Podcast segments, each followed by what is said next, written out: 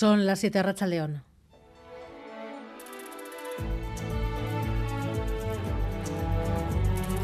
Gambara con Arancha García. La ley del sí es sí ha empezado ya a rebajar las condenas. Hasta ahora estábamos hablando de revisión de sentencias firmes, pero ya tenemos una primera sentencia con esta ley de un tribunal, un tribunal de Girona que ha aplicado por primera vez la nueva ley y ha rebajado sensiblemente la pena. El fiscal pedía 15 años, la condena se ha quedado en dos y medio entre atenuantes y el cambio de la ley.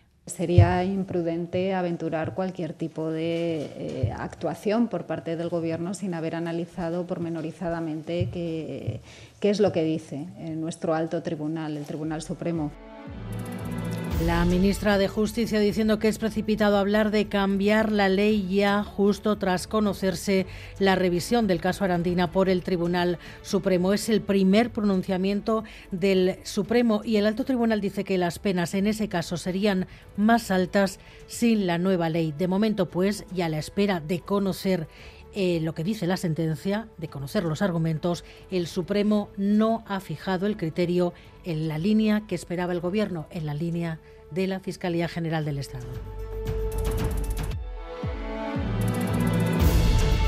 Y a falta del dato definitivo de noviembre, el IPC medio de los últimos 12 meses va a rondar el 8,5% y eso aplicado a la última reforma es lo que subirán las pensiones el año que viene. Es un incremento histórico, 115 euros más al mes. Ah, sí, por supuesto, que siga subiendo. Betida Ona y Gotzea. Parece muy poco que hay una diferencia entre lo que ha subido la vida, vamos. Lo que nos deben de... El gobierno, entre tanto, no parece que vaya a tener nada fácil acordar la segunda fase de la reforma de las pensiones. Tiene de plazo hasta fin de año su propuesta de elevar la base máxima de cotización y el periodo de cálculo no gusta a nadie, ni a los sindicatos, ni a los empresarios, ni a los socios del Gobierno. Y mañana los sindicatos de la Escuela Pública Vasca tienen convocada una jornada de huelga en protesta por la no futura ley de educación.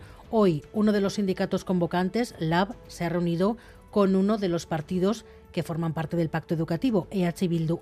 ambos hablan en términos de oportunidad ante la futura norma, aunque comparten las reivindicaciones de la huelga de mañana. Asko dago jokoan eta ezker independentistak bere honen amango du herri honen eraikuntzarako lehen mailako garrantzia duen erronka honetan. El gobierno vasco insiste en que no se comprende esta huelga preventiva. El gobierno solo puede manifestar su incomprensión. Los sindicatos que han convocado la huelga han presentado como argumento o razón para esa convocatoria un proyecto de ley que aún no ha sido aprobado por el gobierno, un proyecto de ley que aún no ha sido aprobado por el Parlamento vasco. Por lo tanto, nos resulta muy difícil de entender cuáles son las razones verdaderas de esta convocatoria de huelga en la enseñanza pública. ¿Tiene el CNI Pegasus? Casi han reconocido que sí, pero sería bueno que lo dijeran con claridad. Estoy dentro de los 18 casos aparentemente con autorización judicial. Si nos pueden confirmar si me han espiado. Así hasta 28 preguntas y todas sin respuesta. La directora del CNI ha comparecido esta mañana ante el Parlamento Europeo por el espionaje político con Pegasus.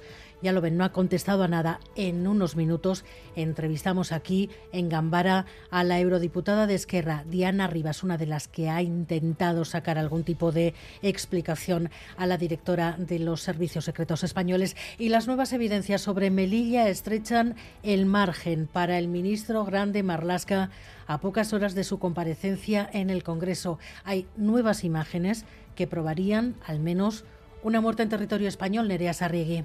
Sí, una investigación que publican hoy varios medios internacionales concluye a través de nuevas imágenes que sí hubo al menos un fallecido en suelo español y que podrían ser más. Las grabaciones muestran cómo agentes de ambos lados, marroquíes y españoles, golpearon a los migrantes y utilizaron gases lacrimógenos contra ellos cuando estaban atrapados dentro del puesto fronterizo. Permanecieron hasta cinco horas al sol sin asistencia sanitaria. El ministro Fernando Grande Marlasca comparecerá mañana aquí en el Congreso. Interior defiende su versión, que la Guardia Civil actuó de forma proporcional y que no hubo muertes en territorio español. En carreteras, un punto con problema a estas horas. Densidad de tráfico en la Guipúzcoa 20 en San Sebastián, en el túnel de Polloe, dirección Aricheta. Un accidente había provocado el cierre de un carril. Ya se ha limpiado la calzada, pero todavía persiste la densidad de tráfico en ese punto. San Sebastián, túnel de Polloe, dirección Aricheta. Y en cuanto al tiempo, eh, a lo, lo que queda del día va a seguir haciendo frío, aunque cada vez empezará a llover menos. Mañana muchas nubes en los cielos, pero pocas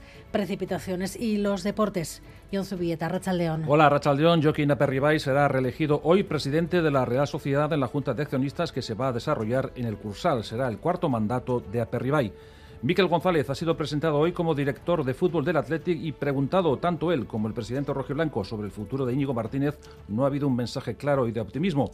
En el Mundial de Qatar ya hay dos clasificados para octavos de final. Por una parte Senegal, que ha derrotado a Ecuador por 2-1. Además, eh, Países Bajos ha hecho lo mismo como líder del Grupo A tras imponerse por 2-0 a Qatar.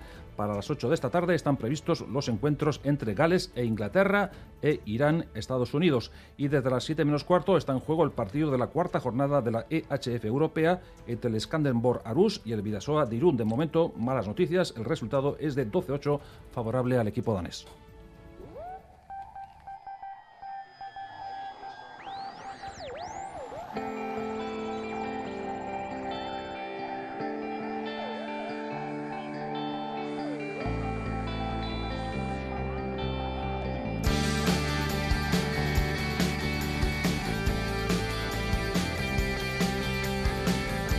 Más lejos que nunca, la nave Orión ha llegado más lejos que nunca, a más de 430.000 kilómetros de la Tierra. Cristina Vázquez.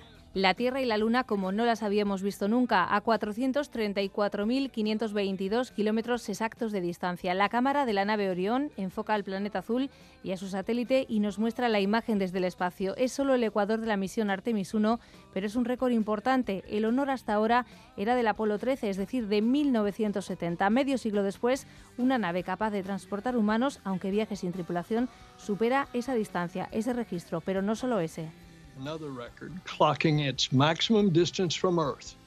Llega más lejos y además es capaz de regresar mucho más rápido. Orión lleva desde el viernes en esta órbita lunar distante. Va a seguir así al menos una semana probando los sistemas en un entorno de espacio profundo, a unos 65.000 kilómetros sobre la superficie lunar. Después será el momento de regresar a Tierra. Su llegada está programada para el 11 de diciembre con un amerizaje frente a la costa de California pondrá fin a 25 días, 11 horas y 36 minutos de misión con los que la NASA va preparando el camino para establecer en un futuro una base en la Luna como paso previo a Marte. Arancha Prado y Alberto Sobel ya están en la dirección técnica, Cristina Vázquez en la producción. Gambara con Arancha García.